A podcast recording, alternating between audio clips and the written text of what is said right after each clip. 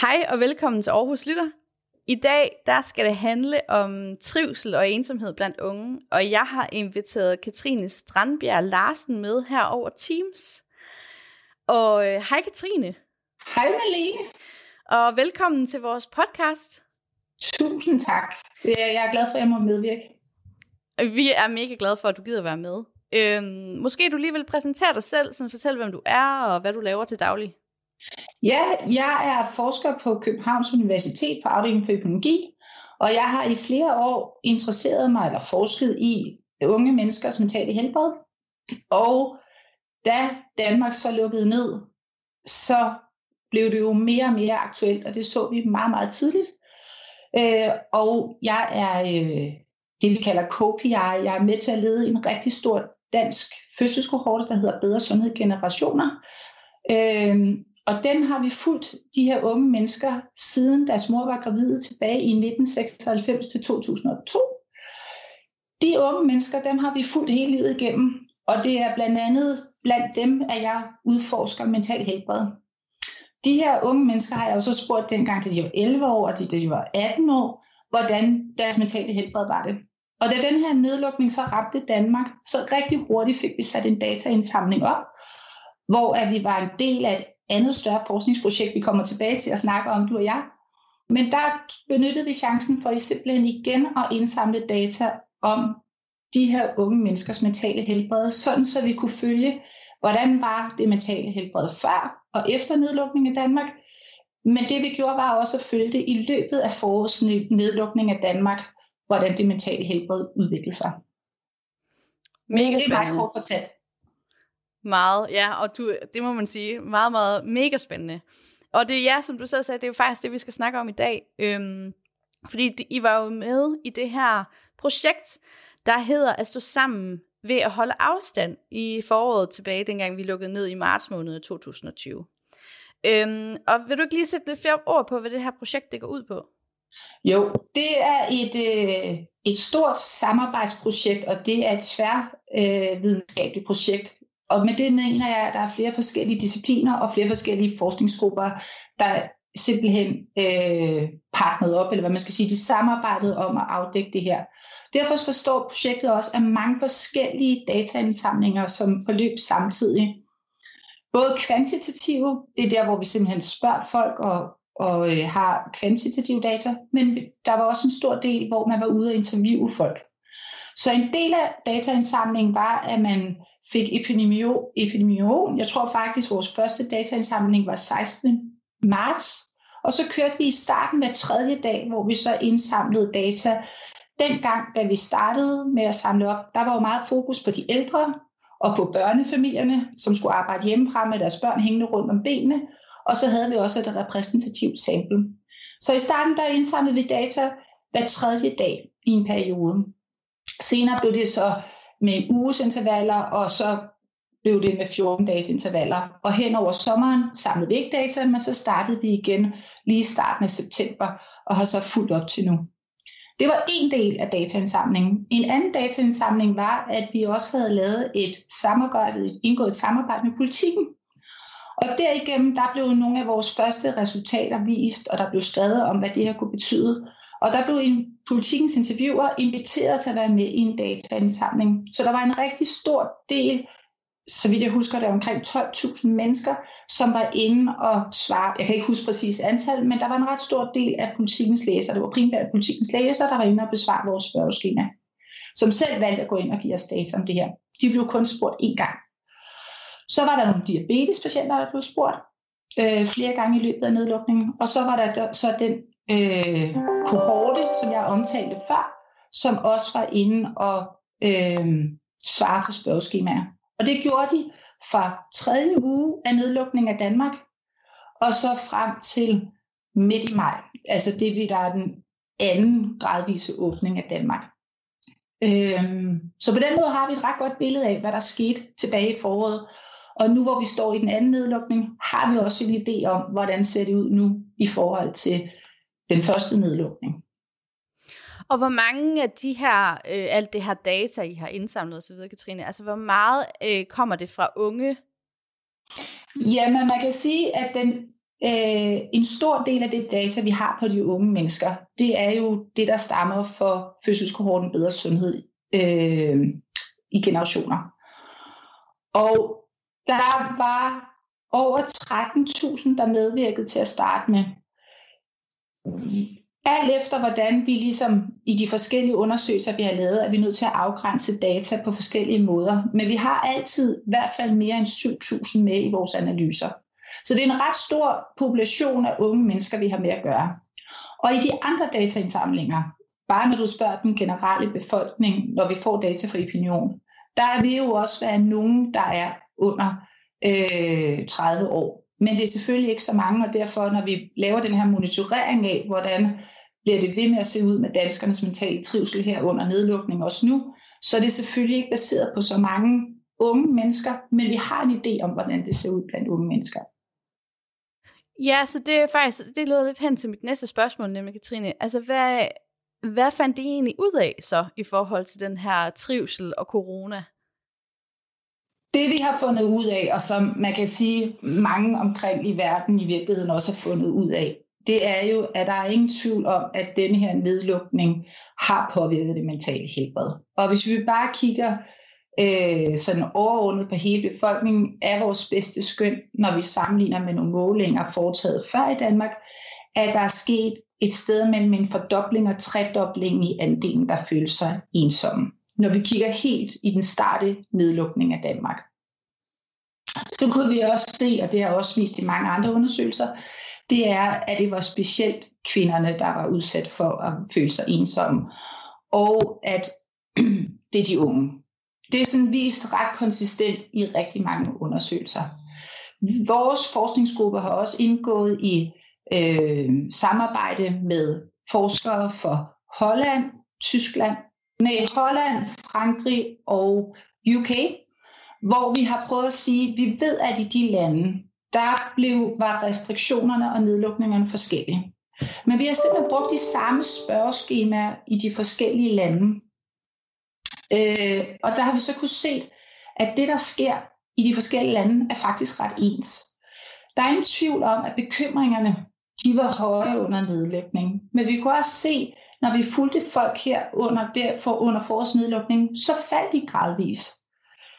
Vi kunne også se, at i alle de her fire lande, der var det primært de unge under 30 år, der følte sig ensomme. Og så kunne vi også se et fund, vi fandt i alle landene, det var også, at det tidligere var dem, der havde en mental sygdom, de havde det også værre under nedlukningen. Det vi så yderligere har fundet, det var jo, at når vi kiggede bare i vores population af de unge mennesker, i det, der hedder bedre sundhed generationer, der prøvede vi helt tidligt at prøve at se, okay, vi har nogle målinger taget mål før nedlukningen skete, og så har vi så nu den tidligste dataindsamling, vi, vi nåede, formåede at få i søsat, det var tredje uge af Danmarks nedlukning. Altså der, der befinder vi os lige slut marts, helt start april. Det var der, vores første dataindsamling ligger. Og når vi tog sådan nogle mål, som for eksempel quality of life, mål på en skala fra 0 til 10, hvor folk bare bliver spurgt, hvor tilfreds er du med dit liv, hvor 0 repræsenterer det dårligste, og 10 det højeste. Så det er simpelthen sådan en fordeling. Og hvis du prøver at forestille dig den her fordeling for unge mennesker, det vi så kunne se, når vi sammenlignede før målingerne med under nedlukningsmålerne, det var, at der simpelthen skete en helt forskydning af den her fordeling. Sådan så, at livskvaliteten blev værre under nedlukningen. Og det så vi både for mænd og kvinder.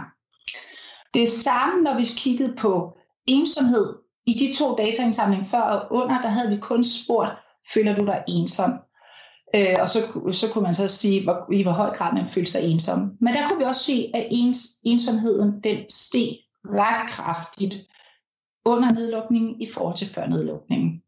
Og så havde vi også et mål, som er valideret inden for den internationale litteratur, som er et mentalt trivselsmål, som består af øh, syv forskellige spørgsmål og rangeres på en skala. Øh, og her igen, der kunne vi også se, at der skete simpelthen en forskydning, et fald i den mentale trivsel blandt unge mennesker. Så der var, ikke rigt, der, der var ikke rigtig nogen tvivl i vores sind, at når vi bare kiggede på den her situation blandt unge mennesker i Danmark, så kunne vi meget tidligt se, at det her, den her nedlukning, den havde en effekt på det mentale helbred blandt unge. Det vi så gjorde, det var, at øh, en phd studerende på vores afdeling, han hjalp mig, øh, eller han, han beskæftiger sig inden, hans forskningsprojekt handler om indendørsmiljø. Så det vi synes, at alle de her dataindsamlinger, så sagde han, ej Katrine, er du ikke sød at spørge de unge mennesker, hvordan de bor, imens de er, øh, hvordan de bor og lever her under nedlukningen. Og hvis du husker tilbage, var der også rigtig meget om, at folk flyttede i sommerhus og de her ting. Så heldigvis så spurgte vi de her unge mennesker om deres boligforhold. Vi spurgte dem, øh, har du i din bolig udgang til egen have, altan eller fælles gårdmiljø? Vi spurgte dem også, hvor mange mennesker bor du sammen med på hvor mange øh, kvadratmeter.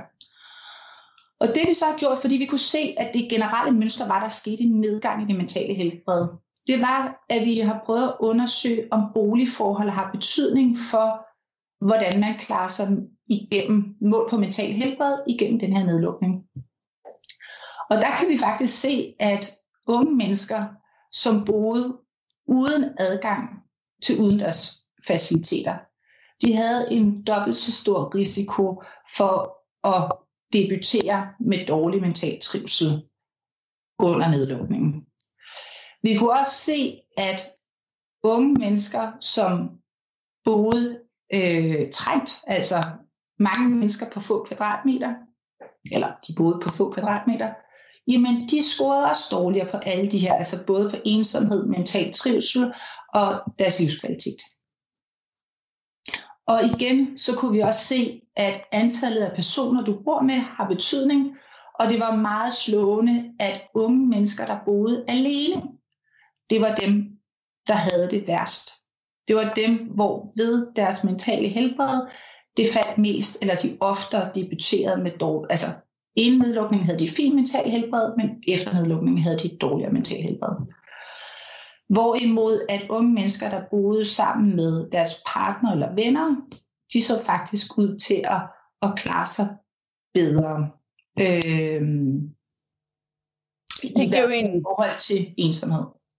Og det giver jo egentlig meget god mening, øh, kan, man, altså, kan man sige, men jeg sidder også og tænker, at det giver måske også en, det er måske også en forklaring på, hvordan man så opførte sig, når da nedlukningen sluttede igen op imod øh, maj måned og så videre, at man bevægede sig mere ud, og man var mere, mere social udenfor, øh, fordi at, at det trængte man til.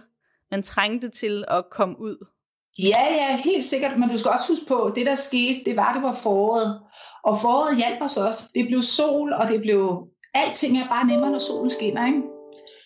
Øh, så det er svært at sige, om det var en årstidsvariation, eller hvad det var. Hmm. Men når de så, så i forhold, altså så I har kunne se, at den her ensomhed, den simpelthen er steget. Altså det er, det er simpelthen, det er, kurven er gået opad. Øh, og så stoppede I med at indsamle data, øh, da solen skinnede. Ja, desværre. Ja, og så startede I igen til september. Ja, man kan sige, det er jo så en anden type af dataindsamling, der fortsætter i september. Det er det, som er, hvor Epinion hjælper os med at lave dataindsamlinger hver 14. dag okay. på folk. Så det er ikke de samme mennesker, jeg har. Men, men den dataindsamling bruger jeg jo som et udtryk for at prøve at se, okay, er det sådan, hvad er niveauet af ensomhed eller livskvalitet i befolkningsniveau? Og hvordan ser de ud i forhold til, da Danmark lukkede ned? Ja, ja, fordi det er jo ret interessant, fordi vi er jo i en ny nedlukning lige nu. Øh, vi har fået en ny virus, så, vi er, så vi er faktisk blevet øh, lukket inde igen med lidt strengere restriktioner. Der kan, vi kan ikke komme ind og øh, handle ind på gågaden og så videre, for eksempel. Mm, kan man se det? Altså kan man se i forhold til de data, I indsamler nu, og i forhold til den kurve, I havde at sammenligne med tilbage i marts? Fordi vi er jo ikke, det er jo ikke, fordi foråret er lige rundt om hjørnet nu, for eksempel. Nej, og vi kan desværre godt se det i vores data. Vi kan se, at øh, når vi bare kigger på den generelle befolkning, så lige da vi begyndte vores dataindsamling tilbage i september, der så det egentlig ret fint ud. Og så begyndte de regionale nedlukninger af Danmark jo langsomt at træde i kraft. Man kan sige, Aarhus var faktisk slukket ned, øh, inden at vi fik søsat vores øh, dataindsamling i efteråret her. Men det vi kan se, så når vi kigger på den generelle befolkning, er, at det ligger faktisk nogenlunde jævnt øh, ensomhedsfølelsen og også quality of life. Det gør den faktisk sådan et godt stykke hen i efteråret. Men hvis vi husker tilbage, blev der jo også gradvist mere og mere øh, restrik- restriktioner over for os, og vi blev mere og mere opfordret til at arbejde hjemme. Og vi kan faktisk også se i vores data for den generelle befolkning, at det vi kalder barometeret for ensomhed, det er lige så langsomt sniger sig opad. Øh, og faktisk er vi nået, bare når vi kigger på hele befolkningen, på et niveau her, vores seneste datamåling er på 17. december, der var vi faktisk på niveau med, hvad vi så tilbage for året. Okay, så det er faktisk ret slående, at de der øh, restriktioner, vi allerede fik tilbage i december, det har faktisk allerede påvirket befolkningen. Øh, så forholdsvis hurtigt også. Ja, vi kan se det relativt hurtigt, og det, vi er, når vi måler på, hvordan øh, befolkningen har det med deres quality of life og deres ensomhed, så, så synes jeg, at mønster, vi har kunne se i vores data, er, at en lille smule forskudt af, af regeringens udmeldinger, kan vi faktisk se et signal i vores data. Mm. Nu, desværre har vi ikke fået data for, øh, for den første måling i januar endnu, dem har vi ikke modtaget, men jeg vil, hvis mønstret tegner, hvad vi har set indtil nu, vil, vil, vil, vil min formodning være, at vi har snedet os endnu mere op på ensomhed, og også at, at øh, quality of life langsomt sniger sig opad. Quality of life er det, der hedder livskvalitet. Undskyld, at jeg fik, øh, fik, øh, fik kaldt det noget andet. Men livskvalitetsmålet, der er vi altså ikke noget helt på niveau, som græs, så det, som det så ud tilbage i foråret. Der ligger vi stadig en lille smule øh, bedre her nu i efteråret, end vi gjorde, end vi gjorde øh, tilbage i foråret. Det er primært på ensomheden og den sociale isolation, at vi kan måle det. Hvis, når man nu øh, tænker tilbage på, at, øh, at øh, tilbage i foråret, der havde vi øh, solskin lige rundt om hjørnet, og øh, vi kunne komme ud og nyde det. Øh, det er... Øh, det er jo ikke lige frem tilfælde, det er ikke lige den rigtige års, øh, hvad hedder det, årstid, vi går ind i nu her, i forhold til det her. Øh, men hvis, hvis du nu skal prøve at komme med et bud på, hvad man kan gøre for at ja, ikke at øh, nedsætte sin livskvalitet i den her restriktioner, som vi jo ikke rigtig ved, hvornår kommer til at stoppe. Øhm, altså, har du et bud på, hvad, hvad, vi kan, hvad vi kan gøre, altså inspiration til, hvad, hvor man kan gå hen? Øh, kan man ringe til nogen? Øh. Altså, det, det, det vil jeg gerne prøve at komme tilbage til, men må jeg ikke prøve, øh, det vil jeg rigtig gerne, altså det har vi jo ikke selv belyst i vores forskning, men vi samarbejder jo med nogle internationale forskere, som faktisk leder sådan en blog, hvor de har prøvet at samle, hvad tyder evidensen på, man skal gøre for at passe på sit mentale helbred. Men der er en ting, jeg ikke synes, jeg måske har fået sagt tydeligt nok, fordi på de her unge mennesker, vi havde, øh, eller vi har indsamlet data på, der indsamlede vi jo faktisk hver uge i syv uger. Og jeg synes, de data er ret unikke, og også hvis vi sammenligner os med den eksisterende litteratur. På det her område kommer der simpelthen tonsvis af information hver uge i øjeblikket. Den videnskabelige litteratur, den boomer bare derud af. Men jeg synes, vores studie kan nogle ting, og lidt underligt viser vi faktisk noget, som ikke nogen andre har vist endnu. Fordi det vi gjorde var jo, at vi målte de her unge mennesker. Og det gjorde vi i de her syv uger nedlukning, plus vi også havde en førmåling. Og der er ingen tvivl om, at det vi kunne se, det var, at, at øh, det mentale helbred, det faldt. Men det vi også kunne se, det var, at for livskvaliteten, der blev den ved med at lave, være lav. Og det var den helt frem til, også da vi var åbnet op medio maj. Men, øh, men for den mentale trivsel, den kom faktisk sådan op igen, og den nåede niveauer, som før vi lukkede ned. Og ensomheden så heller ikke helt så slem ud. Så dengang der lærte vi jo, at åbningen af samfundet, den virkede positivt.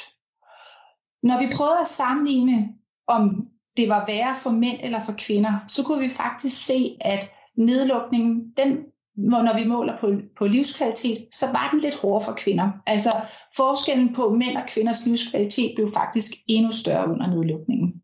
Og, og Katrine, hvad, hvad, hvordan måler man det? Altså, hvad er det for nogle forudsætninger, man har for at kunne måle, øh, hvad livskvaliteten er for kvinder og mænd?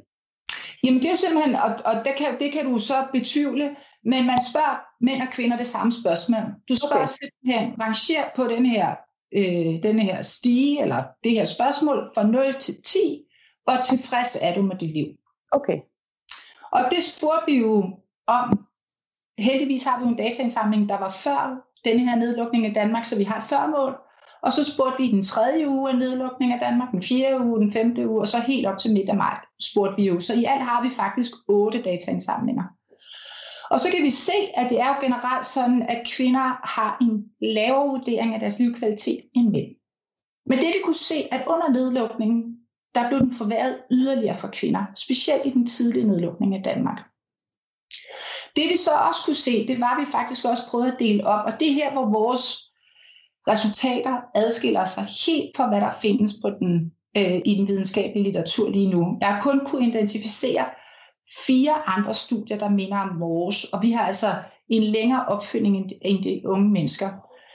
Men det vi finder er, at når vi opdeler de unge på, om de havde depressive symptomer før nedlukningen af Danmark, så sagde jeg til dig før, at når vi bare samlede de fire lande, så kunne vi se, at det var de øh, dem med mental trivsel, de havde det mest skidt under nedlukningen.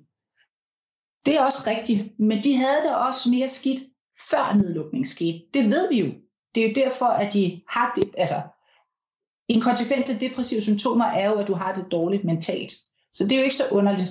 Så når vi gik ud i første omgang og sagde det jo også for dem, der klarede sig dårligt under nedlukningen. Det vi så nu er i gang med at vise i vores data, eller finder i vores data, som faktisk overrasker os. Og lige nu må jeg også erkende, at vi er de eneste, der viser det. Men det er, at vi har prøvet at sammenligne, okay, de her mennesker, vi kigger på unge mennesker med og uden depressive symptomer før nedlukningen. Ja, der kan vi se, at der er en forskel. Der er faktisk næsten en 50% forskel i øh, andelen, der føler sig ensom. Når vi så kigger, når nedlukningen sker, så er det lidt overraskende, at det der faktisk sker, det er, at dem med depressive symptomer, de forbedrer faktisk deres mentale helbred. Hvorimod dem uden depressive symptomer, der er sket en nedgang i deres mentale helbred. Derfor bliver forskellen på de to grupper faktisk mindre end før nedlukningen ramte Danmark. Og det synes jeg er jo ret interessant, men jeg synes også, det skal til lytterne være med det forbehold, at det faktisk, vi er de eneste, der viser det. Som jeg sagde, så er der fire andre studier, vi har kunnet identificere, som prøver at belyse noget af det samme som os. Et af de studier finder, at der ikke sker noget. Der sker ikke nogen forskel i, hvordan de her to grupper klarer sig. Altså, den forværing er ens i de to grupper.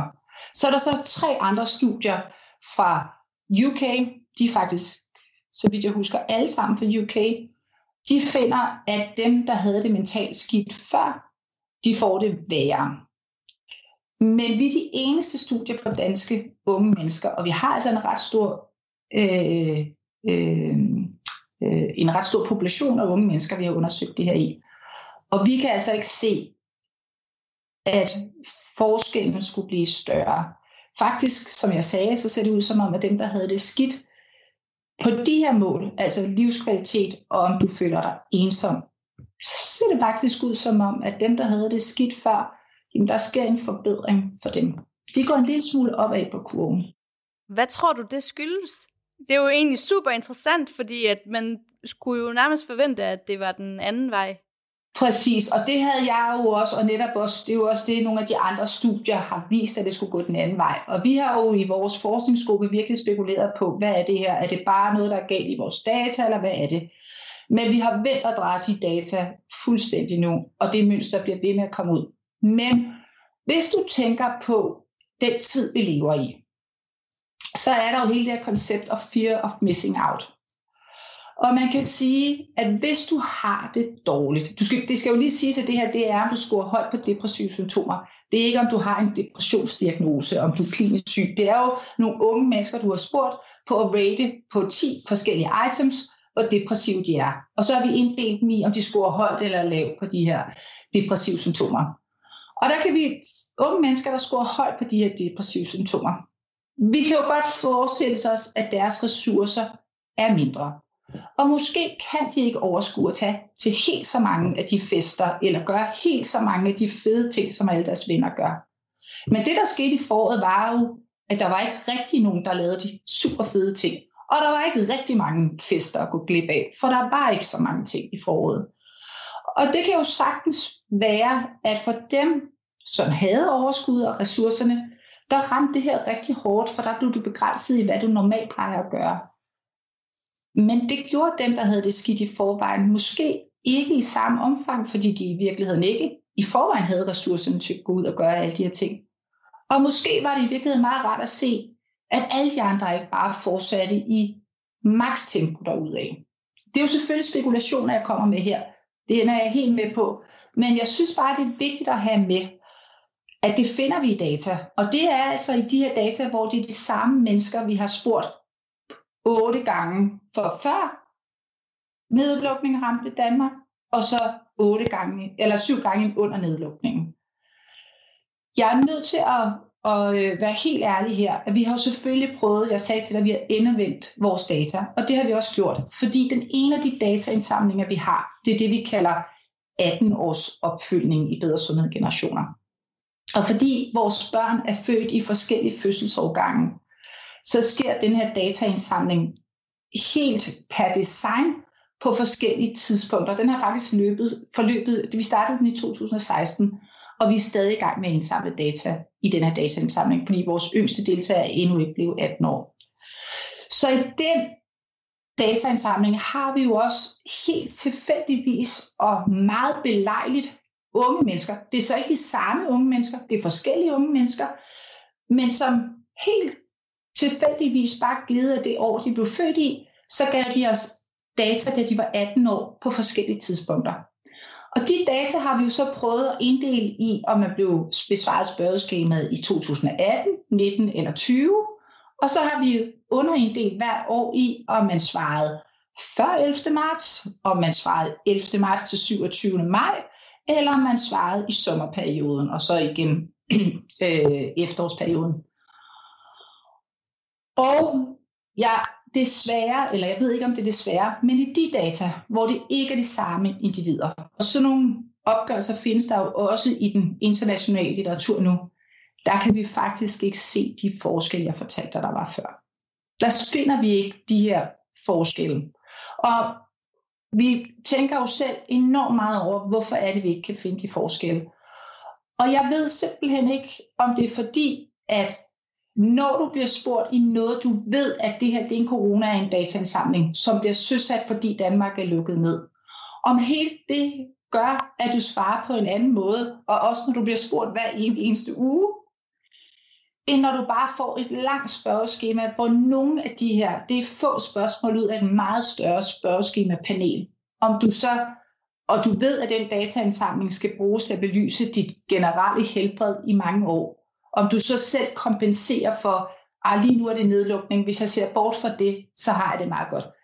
Det skal jeg ikke kunne sige. En anden forklaring kan være, og det er jo også det, vores data tyder på, at de effekter, vi så, var jo ret periodiske. Vi så jo, at det gik op igen. Det forbedres hen over foråret. Så det kan simpelthen være, at den forskel, vi så, og vi har belyst meget minutiøst med de samme individer, vi har spurgt på forskellige måder, den kan vi simpelthen ikke finde, når vi bare inddeler de perioder. Så man, kan ikke, så man kan ikke se, at 2020 var et værre år rent mentalt for befolkningen? Nej, når jeg sammenligner perioden, nedlukningsperioden, altså øh, 11. marts til 27. maj, når jeg, i 2020, med hvad der skete i, i samme periode i 19 og 18, så kan jeg ikke se en forskel. Okay. Og jeg synes, det er vigtigt, at man får det med, fordi et eller andet sted, det er jo også en valid måde at gå til de her data. Det er bare en anden dataindsamling end den anden. Og når vi belyser det på den måde, så kan vi ikke genfinde de samme forskelle. Og det kan jo give os en indikation om, måske at de forskelle ikke helt så alvorlige, som vi går rundt og tror.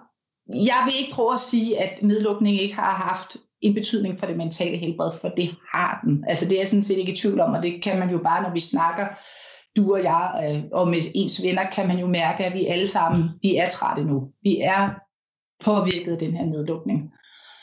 Men jeg bliver bare også nødt til at være transparent og sige, at når vi kigger på de her data, som er indsamlet, og som man rent metodisk vil sige er en, også en gyldig og valid måde at undersøge det her spørgsmål, der kan vi altså ikke genfinde de samme forskelle. Tror du, det kan have noget at gøre med, at det jo, øh, som du selv siger, går meget i bølger? Altså, at vi faktisk glemmer lidt, hvor, hvor træls det var at være i den her nedlukning, når vi så først åbner op igen.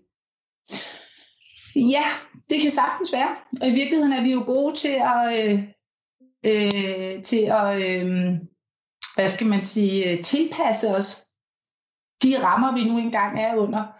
Øh, så det kan sagtens være, at vi i virkeligheden tilpasser os, og så, så klarer vi os meget godt.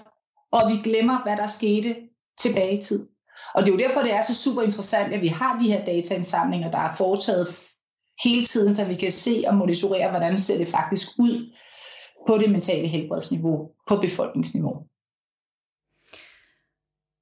Men sidder man nu, så, og nu vender jeg tilbage til det spørgsmål, jeg kom med, inden vi havde den her, men altså sidder man nu så her faktisk, og synes, det er rigtig træls, og øh, man føler sig ensom, og så videre. Hvad gør man så? Ja, og der tror jeg, du kan huske, at jeg sagde jamen vi havde lavet det her studie om boligforhold, hvordan de påvirker. Og jeg synes jo godt, at man kan lære lidt af det. Og i og med, at vi kunne se, at de unge mennesker, der boede med adgang til udendørs arealer, og som ikke boede alene, eller som ikke boede på mange træ, meget trange vilkår, de klarede sig bedre mentalt. Derfor vil jeg jo også sige, og faktisk så jeg i nyhederne her i en af de tidligere, øh, øh, lige omkring jul nytår, at der var en ung menneske, der var på vej til at bo til hendes forældre, da studiet og de her ting blev lukket ned. Og så tænkte jeg, da jeg så det, det gør du nok meget klogt i. Fordi i virkeligheden er det jo en meget lavt hængende ting, vi kan gøre. Sørg for ikke at være alene. Sørg for, at du ikke bor alene. Vi har jo også, øh, vi har jo faktisk også haft de her kvalitative interview, hvor vi har prøvet at snakke med nogle af de unge mennesker. Og der har vi haft rigtig svært ved at, at, at få de unge mennesker til at sige ja til at blive interviewet. Og selvom de har sagt ja, har vi faktisk ikke formået at få kontakt til dem, når vi har ringet. Men dem, vi har snakket med, der har været nogle tilfælde, eller der har været en, og det var så en yngre kvinde, øh, starten af 30'erne, så vidt jeg husker, som, som faktisk sagde, at det var hun var tydeligvis berørt af det her, og det var jo hele det her med, at man boede alene, og man var single, og så var der jo også hele dimensionen af, hvornår misser jeg simpelthen muligheden for at finde en kæreste, fordi det er ikke særlig nemt at finde en kæreste eller møde folk i den her periode. Så en af de ting, jeg vil sige til folk, det er, prøv at lade være med at være alene. Sørg for at pleje på de måder, vi nu engang kan gøre, pleje kontakten med vores bekendte og vores nære. Sørg for at facetime eller ring til hinanden.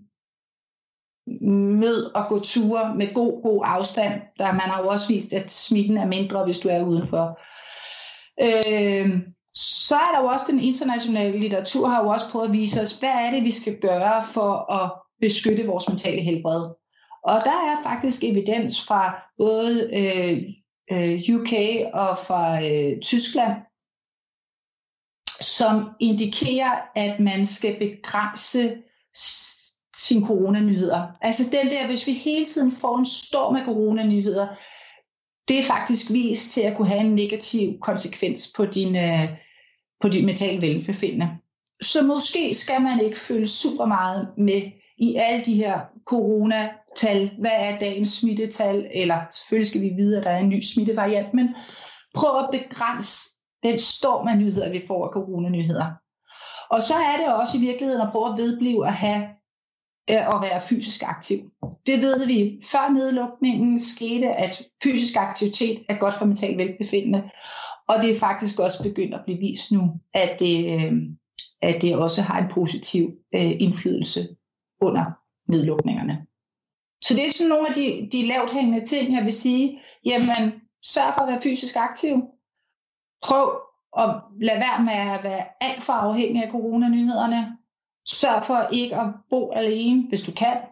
Sørg for at prøve at bo et sted, hvor du har udgang til udendørsområder, eller i, det, i hvert fald komme ud i den friske luft. Øhm, ja, det, det tror jeg, det er nogle af de ting, vi har lært for, for litteraturen indtil nu. Katrine, det har været sindssygt spændende, og jeg synes, det er en rigtig god måde at, at give den videre på til, til de unge, at øh, huske at komme ud, og huske at være sammen, pleje de, pleje de øh, venskaber, man har, og så videre, og så videre. Øh, det har været så spændende, synes jeg virkelig. Altså, øh, og Øh, hvis der er nogen, der har nogle spørgsmål til Katrine i forhold til de her, så I med, altså til alle de her data, som hun sidder og fortæller, så er man bien velkommen til at skrive til os på Aarhus Lytter, øh, snablag aarhus.dk, og så øh, skal vi nok sende dem videre til Katrine, og så kan det være, at vi kan finde ud af noget igen. Øh, Katrine, tusind tak. Jamen, jeg har været glad for at være med, og jeg håber, at I har kunne bruge det til noget, og jeg er glad for at formidle den viden, vi har har skabt, også fordi vi har kun, kun kunne skære den, fordi at der er en masse unge mennesker, der har givet at besvare vores spørgeskemaer, og givet at medvirke i vores studier, ellers kan vi aldrig gøre det her. Så øh, man kunne lave en lille opfordring til de unge og sige, at så snart I får en lille mail i jeres inbox om, at der er et lille spørgeskema, så skynd jer ind og svar på det. det synes jeg nu faktisk, det er rigtig, rigtig gode til. Nå, det var det, godt. Det er, ikke, det er ikke det. Men Nå. jeg synes, at når, når vi ligesom spørger folk om, hvordan de har det, og de er villige til at give os den indsigt, så har vi også en forpligtelse, og det er noget af det, jeg elsker med mit job, det er at gå ud og, og fortælle, hvad er det faktisk, vi har lært. Så øhm, tak, fordi I inviterede mig. Selv tak, Katrine. Tak, fordi I lyttede med i dag. Og øh, hvis I kunne lide det, I hørte, så må I endelig gerne dele det med jeres venner og bekendte. Og ellers så skal I bare passe rigtig godt på hinanden. Tak for i dag.